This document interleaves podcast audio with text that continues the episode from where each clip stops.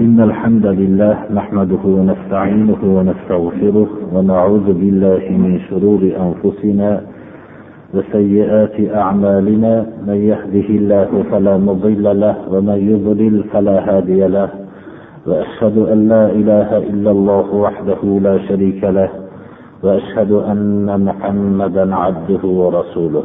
أما بعد السلام عليكم ورحمة الله وبركاته.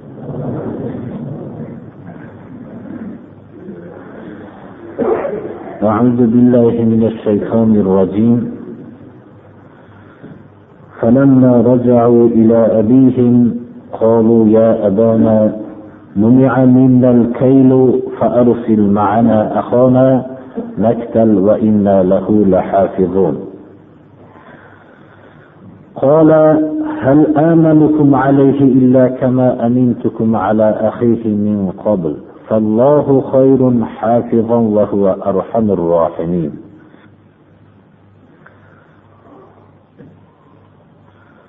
alloh subhanahu va taolo yusuf alayhissalomga hikmat va tadbir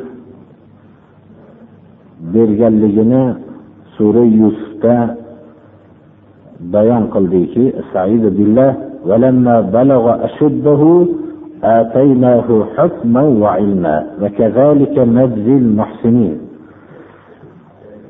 mana bu yusuf alayhissalom oldidagi akalari bilan joriy bo'layotgan suhbat alloh subhanahu va taolo bu kishiga hukm va ilm berganligiga ochiq dalolat qiladi Biz avvalgi darsimizda yusuf alayhissalom akalari misr viloyatiga g'alla ochlik sababli g'alla talab qilib kelishganlaridan keyin u kishi g'alla berishlikda shart qilganliklarini ular bilan suhbatdosh bo'lganlaridan keyin yusuf alayhissalom bularni tanigan edilar.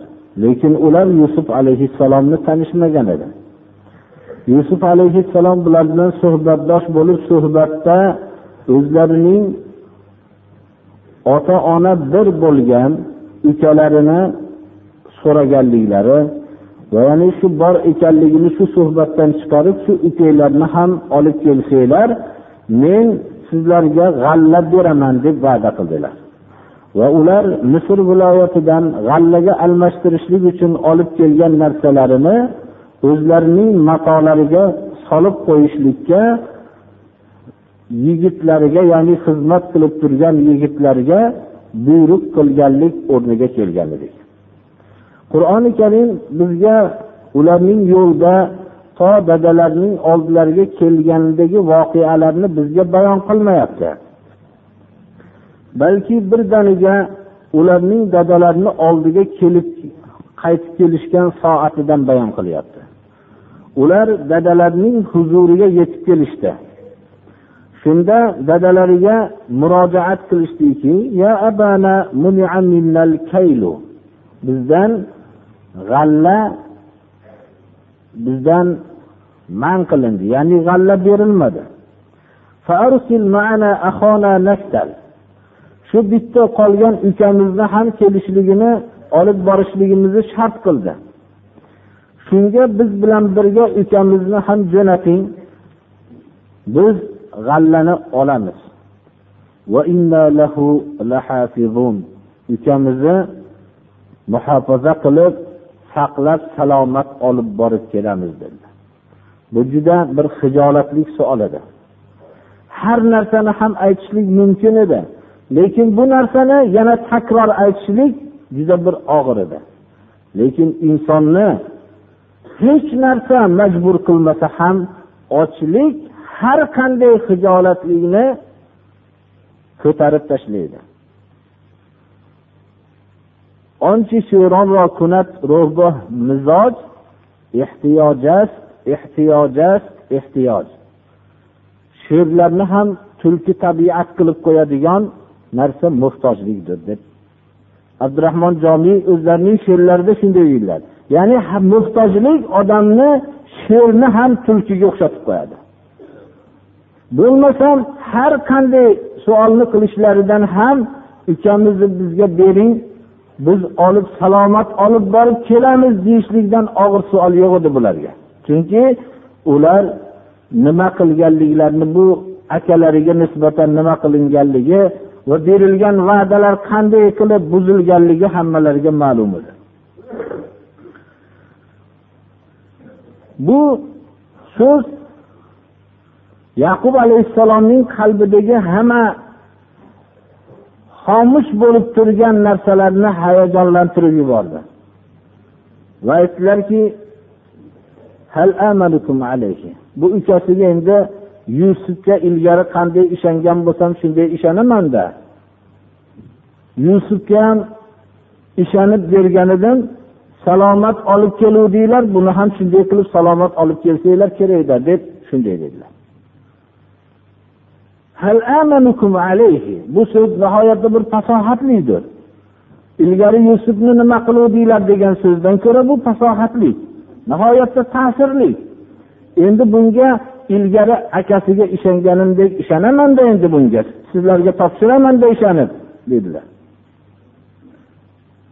Men saqlashlik haqida faqat yagona saqlovchiga suyanaman. Olloh eng yaxshi saqlovchidir. Olloh mehribonlarning mehribonrog'idir. Lekin ochlik nihoyasiga yetgan edi yusuf alayhissalomning ya'ni misr azizining so'zi qat'iy edi. Shuning uchun bu kishilar akalar talabda davom etishdi. Dadalariga xitob qilib aytishdilarki biz haddan oshmaymiz. Ya'ni biz ukamizni birga olib borishlikda biz haddimizdan oshib harakat qilayotganimiz yo'q. Mana bu olib borgan narsalarimiz yana bizga qaytarib berilibdi. ya'ni g'allaga almashtirishlik uchun bo'lgan narsalar qaytarib berilibdi yana bu narsalarni olib boramizda ukamizni olib borib ruddat ilayna va namiru ahlana قالوا يا أبانا ما نبغي هذه بضاعتنا ردت إلينا ونمير أهلنا ya'ni ahlimizga ko'p ozuqalar olamiz meros ozuqa ma'nosidadir ukamizni nihoyatda ehtiyot qilib himoya qilamiz. Tuyaga yuklaydigan o'lchovlarni g'allalarni ko'paytiramiz. Bizdan bir narsa talab qilmayapti bu misrning voliysi faqat ukamizni olib borishlikni bu juda bir ochlik vaqtida qulay bir g'alladir bu deb targ'ib qilishdi. Inson ko'p narsalarni o'zi xohlamasa ham bir xato takrorlansa ham yana iltimos o'zining iltimos qilib talab qilayotganlari o'zining farzandlari yo yaqinlari bo'lganligi sababli o'zi xohlamasa ham ba'zi narsani qilib qo'yadi. Kim bo'lishligidan qat'iy nazar? Yaqub alayhissalom aytdilarki sizlar bilan hargiz bu ukanglarni men jo'natmayman. Ollohga ahdnoma berasizlarki nihoyatda bir ollohga ahd berib menga shu albatta shu ukamizni olib kelamiz deb qasamyod qilib ollohga ahd berasizlar shunda beraman dedilar. Mabodo sizlarni biror bir ihota qilinib qolsa bir qattiq o'zinglarni ham himoya qilishlikdan ojiz bo'ladigan bir voqea bo'lib qolsa unda ukanglarni olib kelolmay qolishliginglar mumkin bo'lmasam albatta olib kelishlikka ahd berasizlar deb shart qildi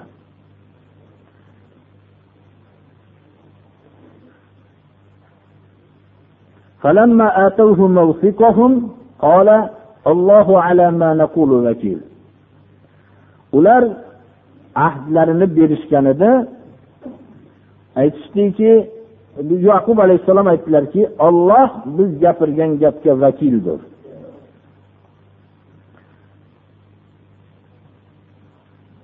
وقال يا بني لا تدخلوا من باب واحد وادخلوا من أبواب متفرقة وما أغني عنكم من الله من شيء إن الحكم إلا لله أمر عليه توكلت وعليه فليتوكل المتوكلون yaqub alayhissalom farzandlariga nasihat qildilar nasihatlarning ichidagi mana bu so'z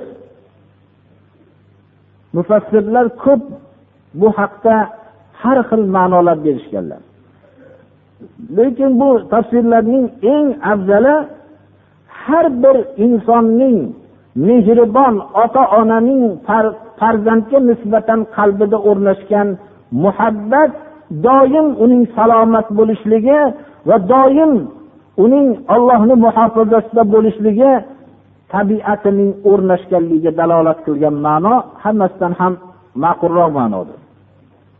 Bu kishi aytdilarki o'n bitta farzand. Farzandlarning hammasi o'g'il. Ular nihoyatda kamolat topgan. Hammalarining misr viloyatiga ketayotganligi misr viloyatiga bitta oilaning shunday katta hamma o'g'il farzandlarning bu yerdan kirib kelishligidan otaning onani qalbiga qandaydir ehtiyot bo'lishlikka bo'lgan buyruq ajralmaydi. Ey farzandlarim bir darvozadan kirmanglar dedilar. Bir necha darvozalardan bo'linib kiringlar dedilar. Men olloh tarafidan sizlarga bir narsa yetadigan bo'lsa men buni daf qilib qaytarolmayman lekin shu so'zni aytdilar. Baribir olloh tarafidan bir balo sizlarga keladigan bo'lsa bir musibat bo'lsa men buni qaytarolmayman hukm ollohni o'ziga xosdir. Hukm bu yerda yaqub alayhissalom vallohu alam hukmdan murod hukmi qadariy insonning hayotida ollohning qadariy hukmi inson xohlasa ham xohlamasa ham yuraveradi. Inson tarafidan hech qanday xohish bo'lmasdan ollohning qadariy hukmi joriy bo'laveradi.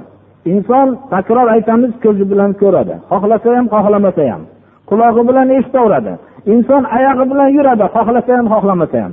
Ollohning majburiy hukmi insonda joriy bo'laveradi. Ikkinchi hukm shar'iy hukm. Bu shar'iy hukm ollohning buyruq nahiylarida shakllangan. Bu ham ollohning o'ziga xosdir lekin bitta farq bilan.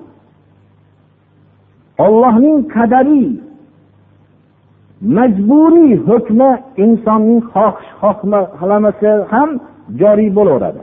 Ammo ikkinchi tarafidan bo'lsa ya'ni shar'iy hukm insonning ixtiyori tarafidan insonlar buni ixtiyoriy tarafidan joriy qilishadi. Alloh subhanahu va taoloning shar'iy hukm ollohni o'ziga xosdir. Birorta odam hayotda biror hukmni barpo qilishlikka haqqi yo'qdir. Alloh subhana va taolo dunyodan oxiratgacha bo'lgan hayotning manhajini faqat o'zi hukm qilishlikni iroda qildi. Mana bu hukm faqat alloh subhana va taoloning o'ziga xosdir. Lekin bu shar'iy hukmni odamlar o'z ixtiyori bilan ijro qilishadi yoki ixtiyorlari bilan ijro qilishmaydi. Mana bu narsa taklifdir birodarlar. Hukm faqat alloh subhanahu va taoloning o'ziga xosdir. Majburiy hukm inson hayotidagi yoinki shar'iy hukmki inson buni ixtiyori bilan ijro qiladi ixtiyori bilan ijro qilmaydi.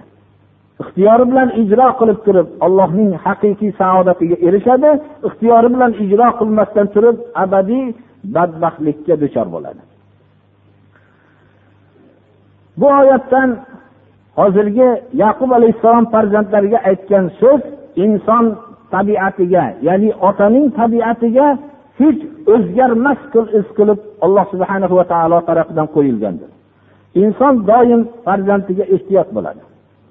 Mana bu oyat alayhi tavakkaltu va alayhi falyatavakkalil mu'minun. Alayhi tavakkaltu va alayhi falyatavakkalil mutawakkilun.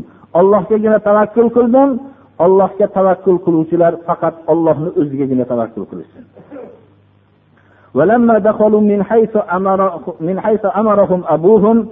Ular ya'ni farzandlar dadalari buyurgan tarafdan kirishdilar.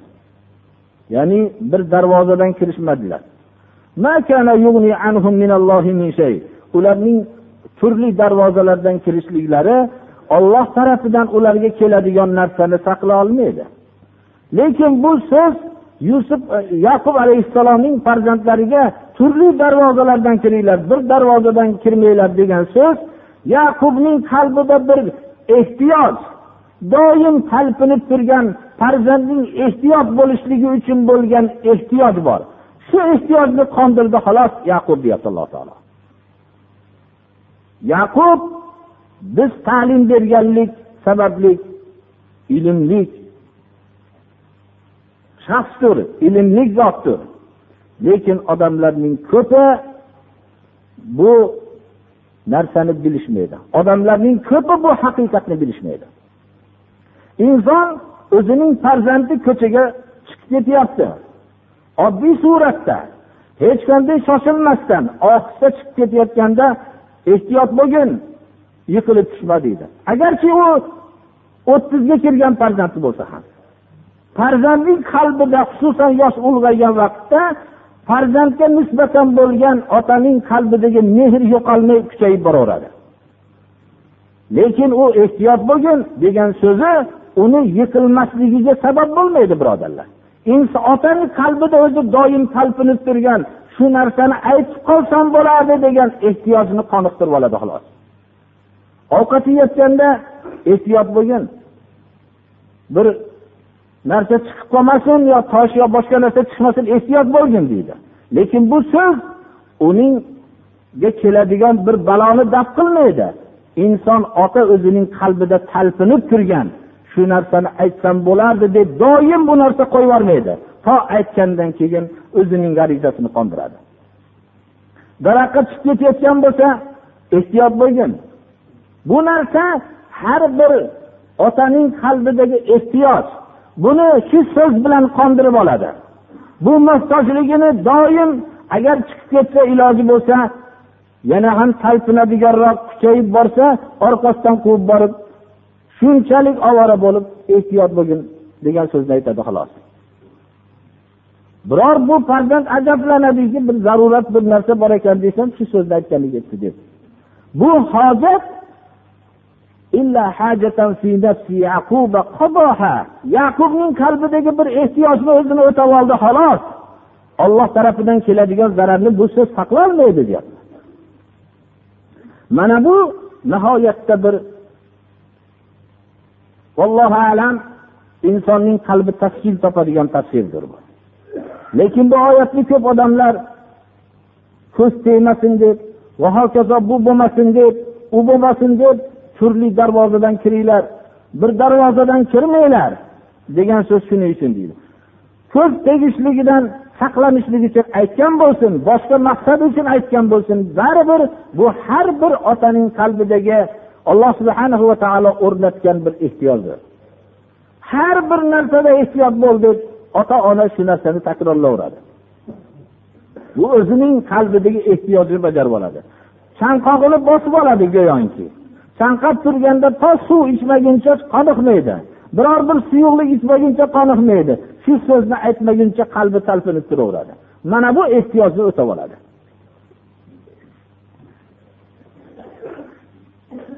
Biz ham nafs to'xtagan joyda to'xtamoqligimiz kerakki qur'oni karim bizga yaqub o'zining qalbidagi ehtiyojni o'tab oldi xolos bu so'z bilan deyapti.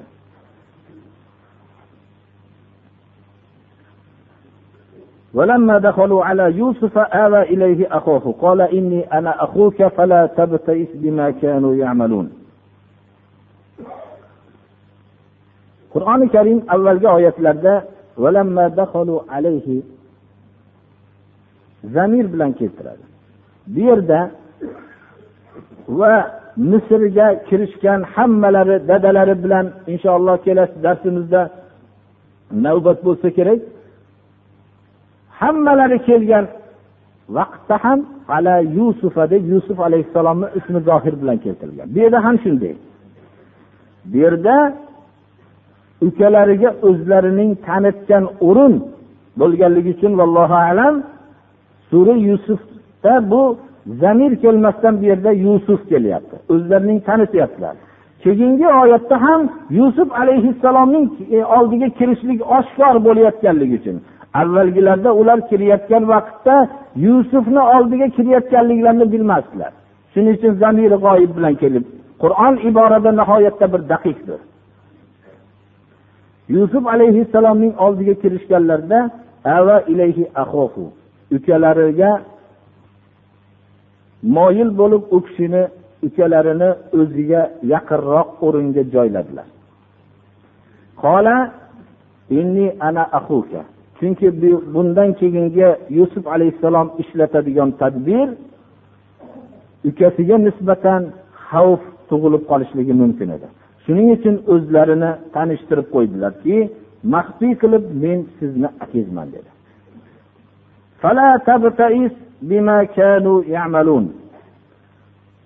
Bular qilgan narsa bilan siz qiynalib mashaqqat chekmang. Nima qilishgan bo'lsa endi qiyinchilik sizga yo'q dedi. yusuf alayhissalom ukalarining olib qolishlik uchun bo'lgan tadbirni ishlatdilar bu tadbirni alloh subhanahu va taolo o'zi ta'lim berdi فلما جهزهم بجهازهم جعل السقاية في رحل أخيه ثم أذن مؤذن أيتها العير إنكم لسارقون yusuf alayhissalom ularni hamma tayyorgarliklar bilan jihozladilar Yetarli narsalarni ularga berdilar. Hammalarini kuzatayotgan vaqtlarda siqoya ya'ni podshohning ya'ni misr azizi yusuf alayhissalomning o'zlarining siqoyalari bor edi. Siqoya keyingi oyatda suva al malik keladi. Bu yerda siqoya deb keladi. Ikkovi bir narsa ekanligiga ishora bo'lyapti. Siqoya bir suyuqlik ichadigan idishlar edi. Lekin uning to'ntarsalar suva bug'doyni o'lchaydigan asbob edi bir tarafida suyuqlik ichilsa ikkinchi tarafida suva so ya'ni g'allani o'lchaydigan asbob edi avvalda qur'on siqoya deb keltirilyapti. Shundan biz istiqroj qilyapmizki yuqori qismi suyuqlik ichadigan avvalgi tarafi. Va uning to'ntarilgan vaqtda orqa tarafida suvo g'alla o'lchaydigan jihoz edi inson ajablanadiki nahotki misr viloyatining podshohini qo'lida o'lchov asbobi tursa? To'g'ri o'lchov asbobi omborxonalarda chekalarda yotadi. Lekin qachon? Serobchilik bo'lgan vaqtda. Ammo o'lchov asbobi eng zarur bo'lgan vaqtda bu podshohni qo'liga chiqib qoladi. Inson oyog'i bo'lmasa oyoq kiyimiga qarab ham qo'ymaydi. Chunki unga oyoq kiyimning hech qanday e'tibori yo'q unga. Inson o'zida mamnun bo'lib turgan vaqtda hayotda jamiyat u mamnuniyat juda ko'p muhim narsalarni esdan chiqaradi. Ikkinchi tarafdan ongning bo'lmasligi ham muhim narsalarni jamiyatdan esdan chiqarib qo'yadi. Hozirgi bizni jamiyatimizda eng muhim bo'lgan moddalar odamlarning esidan chiqib qoldi. Chunki ular ong tarafidan juda ham bizni jamiyatimiz birodarlar ko'p kishilar umumiy xalqlar pastlab ketganligi natijasida.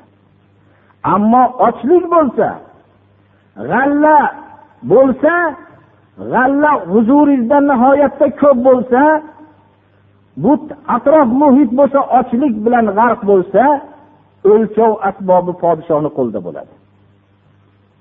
Mana bu narsa podshohning qo'lida turishligining siri ham shu bo'lsa kerak vallohu alam. Birodarining yukiga matolari solingan ya'ni ukalarining yukiga shu siqoya qo'llaridagi bir tarafida suyuqlik ichadigan ikkinchi tarafi g'alla o'lchovini bildiradigan jihozlarini asbobni shunga solib qo'ydilar. E'lon qiluvchi umumiy e'lon qildi. Ey korvon sizlar o'g'ri ekansizlar deyildi. Aniq o'g'riliginglar ma'lum lekin shu korvon o'g'ri deyildi. Falonchi o'g'ri deyilmadi. Payg'ambar farzandlari payg'ambar xonadonida o'sgan odamlar ko'p xatoni qilishliklari mumkin bo'lsa ham o'g'rilik sodir bo'lmaydi ular shunday qarashdida nima narsa yo'qotdinglar podshohning o'lchov asbobini yo'qotdik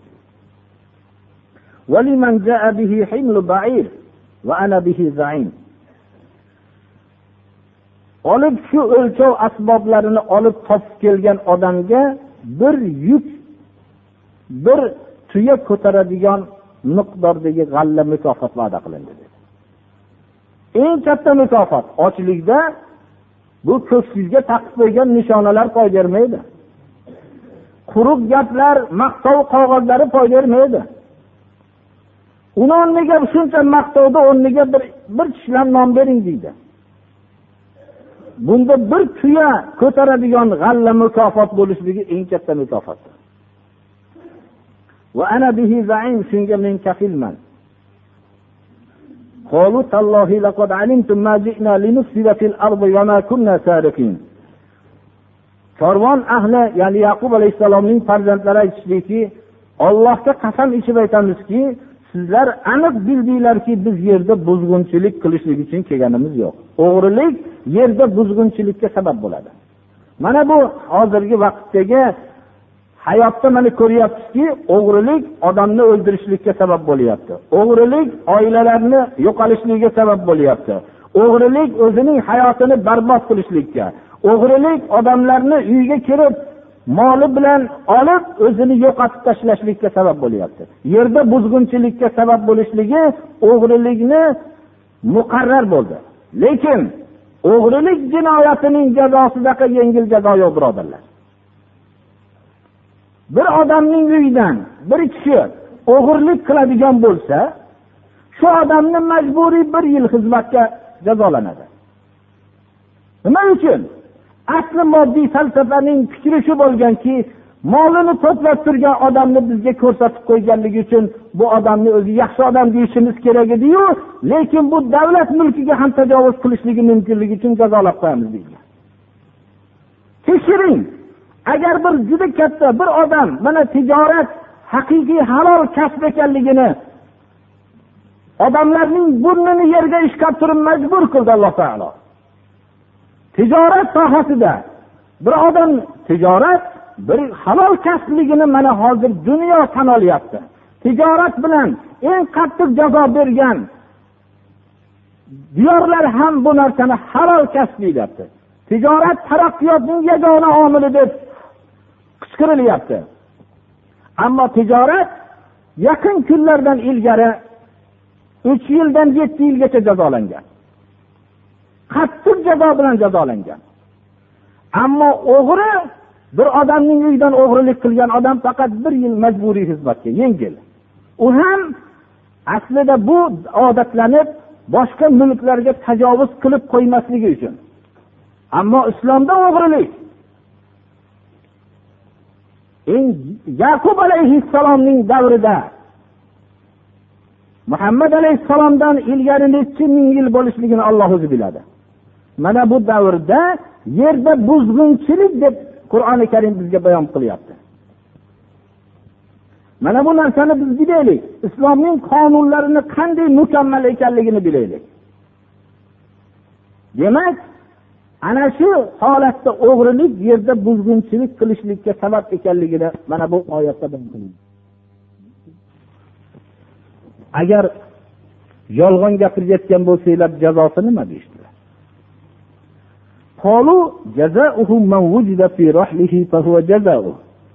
yaqub alayhissalomning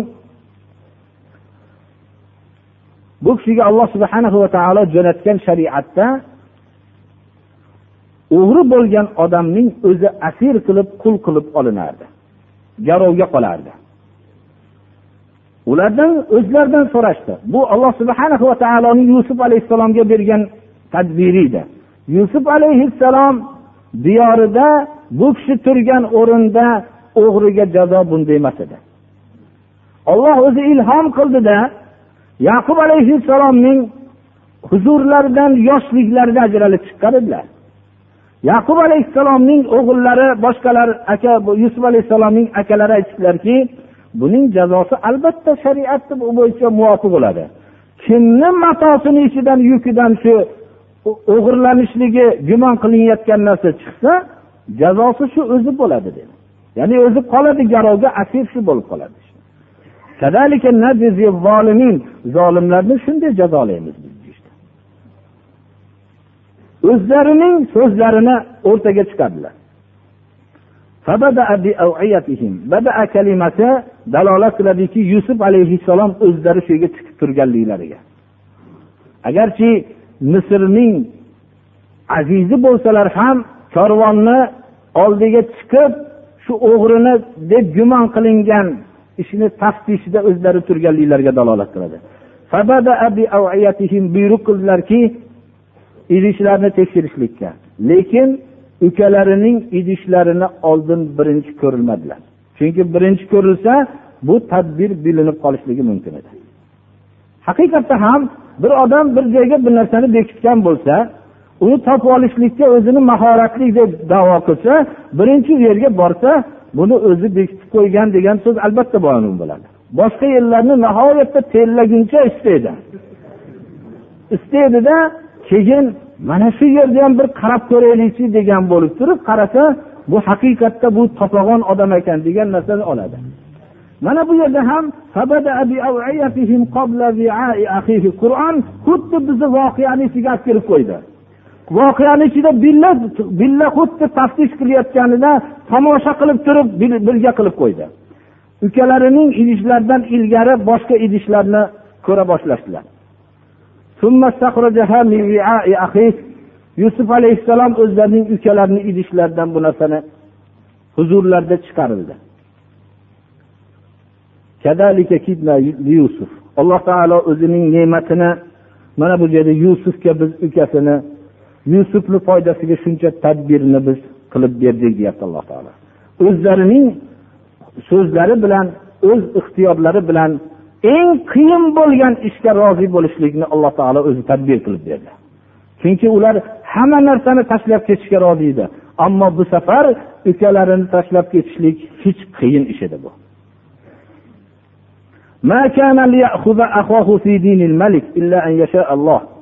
Yusuf deydi alloh subhana va taolo ukasini podshohning dinida ya'ni o'zlari yashab turgan misr viloyatida podshoh bo'lib turgan odamlarning dinida bu kishi azizi misr edilar xazinalarning peshvosi edilar. Bu podshohni dinida ukalarini olishlikka haqlari yo'q edi. O'g'rining jazosi bunday emas edi. Alloh subhana va taoloning mashiati bilan bu ish bo'ldi. Ya'ni bu yerda dinil malik kalimasiga diqqat beraylik birodarlar. Podshohni dinida deyilyapti. Podshohning nizomi podshohning dini degani. Bir odam alloh subhana va taolo jo'natgan nizomga bo'ysunsa bu odam ollohning dinida bo'ladi. Bir odam ikkinchi bir odamga tuzib bergan nizomga ergashib yashasa shu odamning dinida u odam bo'ladi. Podshohning dinida deb kalima daqiq ibora bilan kelyapti.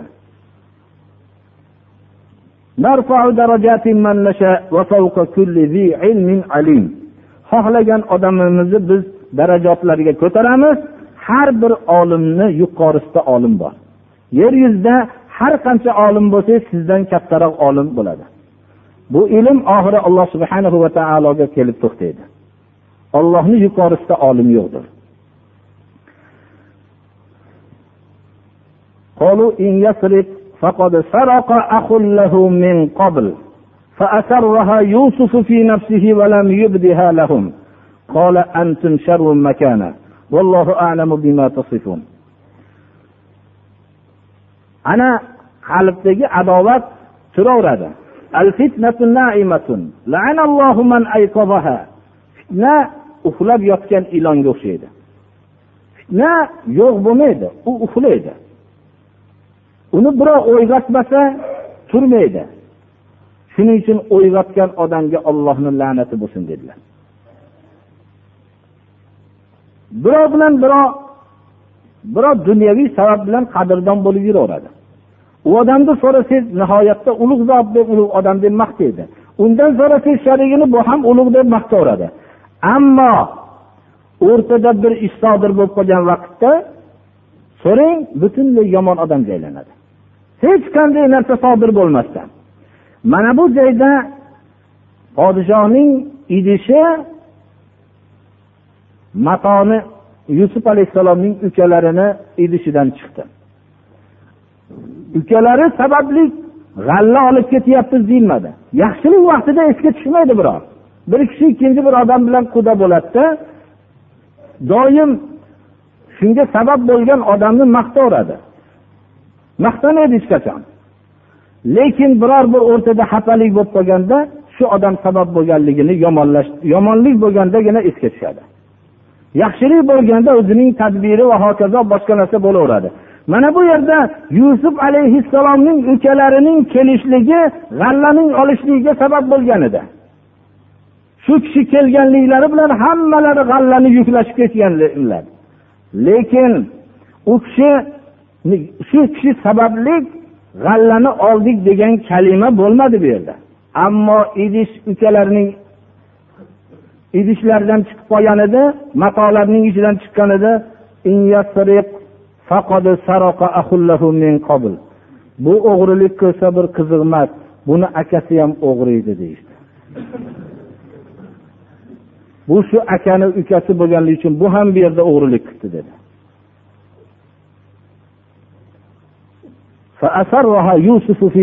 Alloh taolo o'zining haqiqiy bandalarining do'stlarining qalbini nihoyatda yuqori qilib oliy qilib qo'yadi. Bu kalimani yusuf alayhissalom dillariga saqlab qo'ydilar. Dunyoni har qanday odami bo'lsa tushir g'allani derdi. Hamma yoqda tushir derdi. Xohlagan buyrug'i buyrug'i edi shu soatda. Lekin ollohning do'stlari shaxsiy o'zining o'chini birovdan olgan emas birodarlar. G'alla berib hamma yog'ini moli mulkka to'ldirib turgan odamni o'g'ri deb turibdi birodarlar. Lekin buni sezishmayapti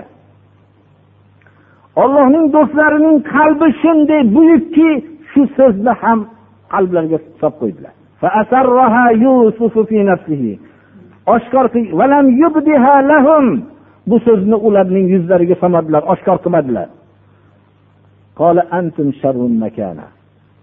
Shu so'zni aytib qo'ydilar. Sizlar bu o'g'ri deb gumon qilinayotgan odamdan ollohni huzurida yomonroqsizlar deb qo'ydilar. Bima tasifun. Sizlar sifatlayotgan aytayotgan so'zlarning nima ekanligini olloh biluvchiroq deb qo'ydilar. Aziz xitob qilishdi. Ya ayyuhal aziz ey azizi misr endi kanon viloyatiga yaqub alayhissalomning oldilariga qaytishdan og'ir narsa yo'q edi. Buning bir katta ulug' yoshdagi qariya dadasi bor.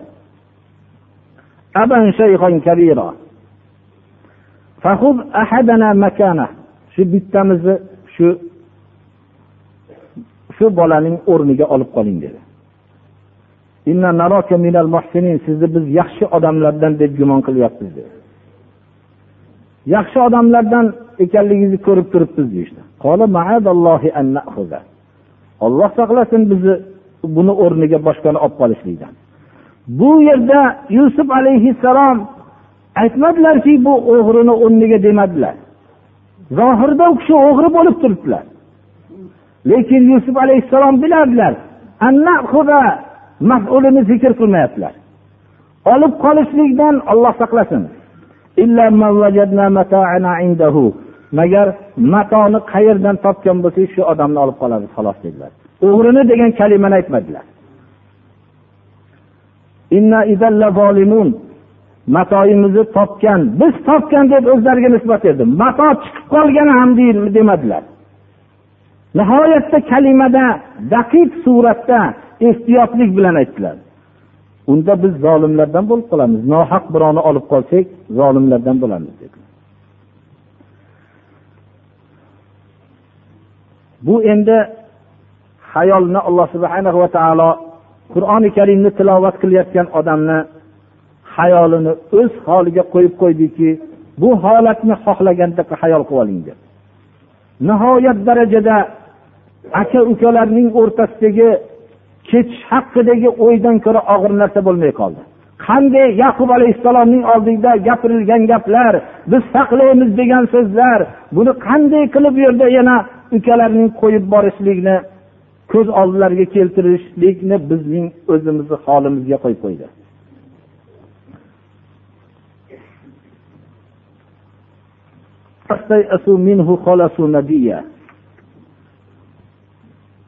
Yusuf alayhissalomning akalari umidlari uzildi. Endi o'zlaricha bir maslahatga alohida to'planishdi.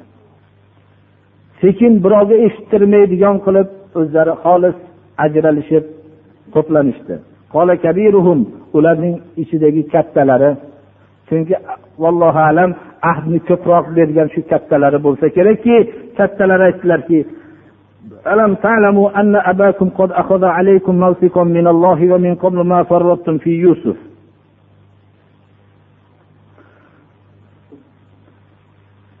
inshaalloh darsimizni vaqtimiz tamom bo'lib qolibdi yana darsga inshaalloh davom ettiramiz sura yusufni ahsanul qisos eng yaxshi qissalarning eng yaxshisi deb nomladi sura yusuf har bir mo'minning hayotida bo'ladigan og'ir imtihonlarning hamma turi bilan yusuf alayhissalomni alloh taolo imtihon qildi. Shuning uchun ham ahsanul qisos bo'lsa kerakki har bir mo'min uchun ko'p ibratki mashaqqat vaqtida va hamda mashaqqatdan chiqish eng jinsiy g'arizaning fitnasi va hamda saroy fitnasi va hamda butun moli mulkning yer kurrasidagi moli mulkning ixtiyori bir kishida bo'lishlik bu juda katta imtihondir. Mana bu imtihonlardan alloh subhana va taolo yusuf alayhissalomni pokiza muvaffaqiyatli chiqardi. Bu har bir mo'minning hayotida agarki bunchalik katta imtihonlar bo'lmasa ham bir qisman imtihon bo'lib o'tadi. Mana shuning uchun ham ahsanul qisos bo'lsa kerakki oxirida aql egalariga ko'p ibratlar bor deyishligi ham mana bu suradan ibratlangan kishilar o'zining hayotiga ko'p xulosalarni ajratib oladi. Bir kishi ko'p savollar bo'libdi ko'plari duo qiling dedilar bir kishi savol qildilarki ko'p qishloq joylarda mol ko'p boqiladi. Molni tezagini quritib tandurda solib shu bilan tandirni qizitib non yopilar ekan. Shu durustmi deb aytibdilar. Nonni yopib bu yondirib kuydirgandan keyingi bu tandir qizib non yopib yeyishlik durust bo'laveradi. Lekin tabiat nuqtai nazaridan bir odam buni qilmasa ixtiyor o'zida. Halol haromlikka taalluqi yo'q buni. Albatta halol deymiz biror kishi u kishi so'rabdilarki cho'l biror joyda namoz o'qiyotgan bo'lsa zaharli hasharot chiqib qolsa namozda turgan joyida uni o'ldirib qaytib kelib yana namozni davom ettirib ketsa bo'ladimi dedilar. Biror bir zaharli shunaqa zarar beruvchi hasharot yo boshqa ilon shunga o'xshagan narsa bo'lsa shuni o'ldirib namozini davom ettirib o'qiveradi ba'zilar shuni aytadiki masalan bir marta urib namozni davom ettirib yana urib shunaqa qilaveradi deydi. Lekin bir marta urishligi bilan u o'ziga hujum qiladigan shunaqa holatda bo'lsa albatta uni o'ldirib namoz o'qiydi. Zararli narsa. Namoz o'qiyotganda mabodo biror suvga g'arq bo'lib ketayotgan odamni tovushi eshitilsa namozni buzib shuni qutqarishlikka harakat qilinadi. Mabodo bir yong'in bo'ladigan bo'lsa ham namozni buzadida shu yong'inga yordam beradi. Halokat odamni halokati bo'ladigan o'rinlarda ham shu namozni buzib turib yordam beradi. Ota onalarga alloh shifo bersin. Bu din islomga xizmat qilayotgan kishilarga alloh taolo o'zi najot bersin. Alloh subhanahu va taolo farzandiga ham alloh taolo shifoi tomma bersin. Hamma ahli islom bemorlarga alloh taolo shifoi tomma bersin. Islomga xizmat qiladigan kishilardan qilsin. Alloh subhanahu va taolo gunohlarimizni mag'firat qilsin ibodatlarimizni alloh qabul qilsin. Hammamizni ham ofiyat dinimizga ham ofiyat bersin tanimizga ham ofiyat bersin. Alloh subhanahu va taolo din islomga yordam berayotganlarga yordam bersin. Zarar yetkazayotganlarga alloh o'zi kifoya qilsin. Alloh subhanahu va taolodan avvalo o'zimni o'zimga va sizlarga taqvo qilishlikka vasiyat qilaman. Taqvo bu ahli tavhid bo'lib shirkdan salomat bo'lishlik bilan hosil bo'ladi. Bir odam alloh subhanahu va taoloning yakka ma'bud deb tan olib ibodatini alloh subhanahu va taoloning o'ziga qilsa va hech bir narsadan hech bir narsani bu ibodatida sharik qilmasa bu ahli tavhid safiga kirib keyin muttaqillarning sifatlarini o'zida mujassamlashtirishlik bilan ahli taqvo safidan o'rin oladi. Shuning uchun biz zararli bo'lgan alloh subhanahu va taoloning kalomida najas deb e'tibor qilingan shirkdan salomat bo'lmoqligimiz kerak. Shirk bu uch turli bo'ladi. Birinchisi shirki akbar ikkinchisi shirki asg'ar uchinchisi shirki hafiy shirki akbar o'zi to'rt qism bo'ladi. Shirki akbarning birinchisi bu shirku dava. Duoda alloh subhanahu va taologa boshqa narsalarni sharik qilishlikdir. Agar kimda kim o'zining duosida yakka ollohga duo qilishlikdan tashqari boshqa foyda ham zarar ham yetkazolmaydigan narsalarga duo qilsa bu katta shirkning birinchi turi bo'lgan shirku davani qilgan bo'ladi. Bunga hujjat alloh subhanahu va taolo ollohdan boshqaga duo qilganlarni hatto qiyinchilik vaqtlarida dan tashqariga chiqiblar. Ollohdan boshqaga sig'inib duo qilganlarni mushrik deb atayapti.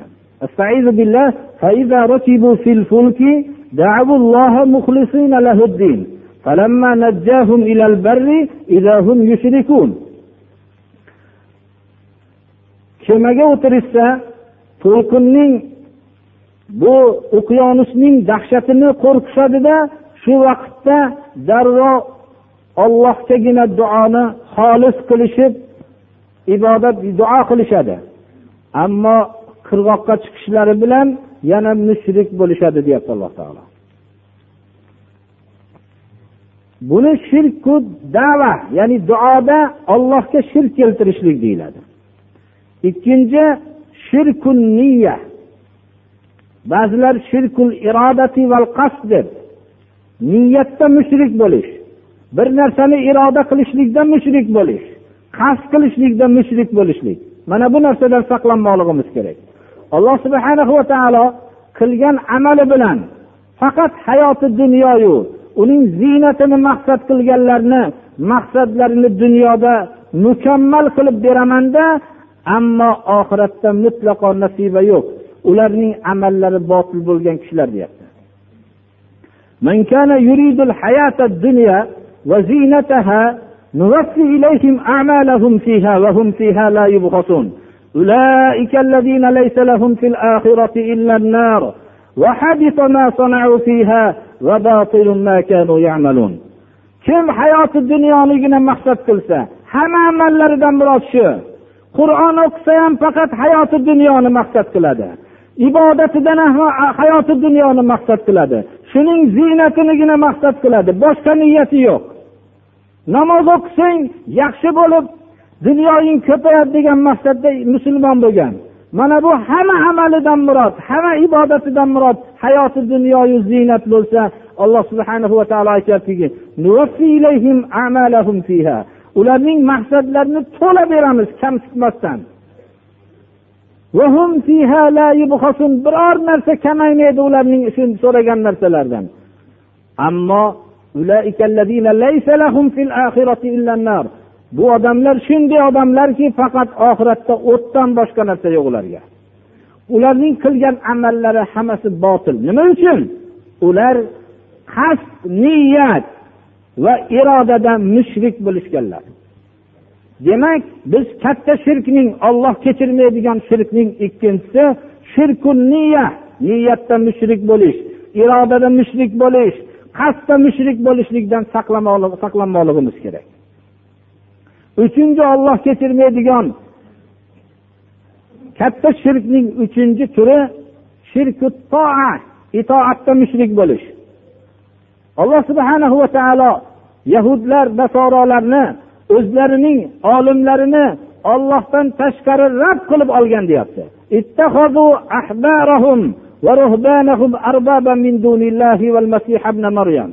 O'zlarining olimlarini yahudlar nasorolar o'zlarining olimlarini ollohdan tashqari rad qilib olgan. Rasululloh sollallohu alayhi vasallamning tafsirlari bilan mana bu oyatda ular halolni harom deysalar qabul qilishgan. Haromni halol deysalar qabul qilishgan. Mana bu narsa itoatdagi shirk dedilar. Shirki toa to'rtinchisi shirkul mahabba. Qur'oni karimda alloh taolo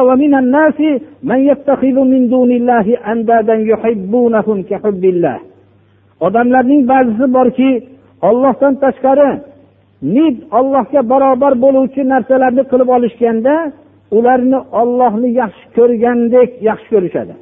Demak alloh subhana va taoloning buyruqlarini qilishlikda boshqa ollohdan boshqani yaxshi ko'rishlik sababli ollohning buyruqlarini qilishlikdan insonni qildirmay qo'ysa yo olloh qaytargan narsalarning qilishligiga birovning muhabbati sabab bo'lsa u muhabbatdagi shirkka giriftor bo'lgan bo'ladi. Demak bir odamning yaxshi ko'rishligimiz bir odamga bo'lgan muhabbatimiz ollohni buyrug'ini to'xtatib qo'yishligimizga sabab bo'lmasligi kerak.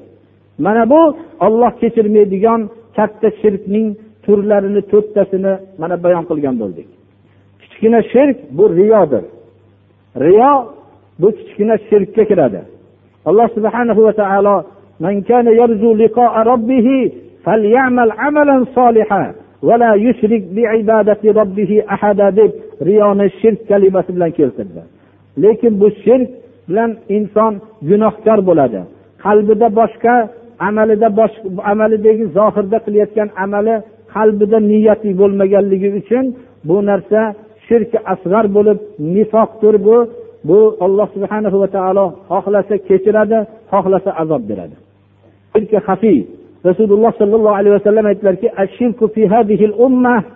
أخفى من النملة السوداء في على صفات سوداء في ظلمة الليل dedilar shirk bu ummatda qora qumursqaning qora tosh silliq toshning ustidagi kechaning qorong'iligida ketayotgan qora qumursqadan ham maxfiyroq dedilar maxfiy kalimasi bilan keltirdilar mana bu shirki hafiy ekanligiga dalolat qiladi alloh subhana va taolodan pano istashlik bu shirki hafiydan salomat bo'lishlikning davosidir أعوذ بالله من الشيطان الرجيم gunohlarimizni mag'firat qilsin ibodatlarimizni alloh qabul qilsin. Alloh subhanahu va taolo mehmonlarimizni qadamlariga hasanatlar bersin. Alloh subhanahu va taolo hamma ko'p duo qilinayotgan bemoroni ahli islomga alloh shifoi tomma bersin. Alloh subhanahu va taolo mustazafini jahon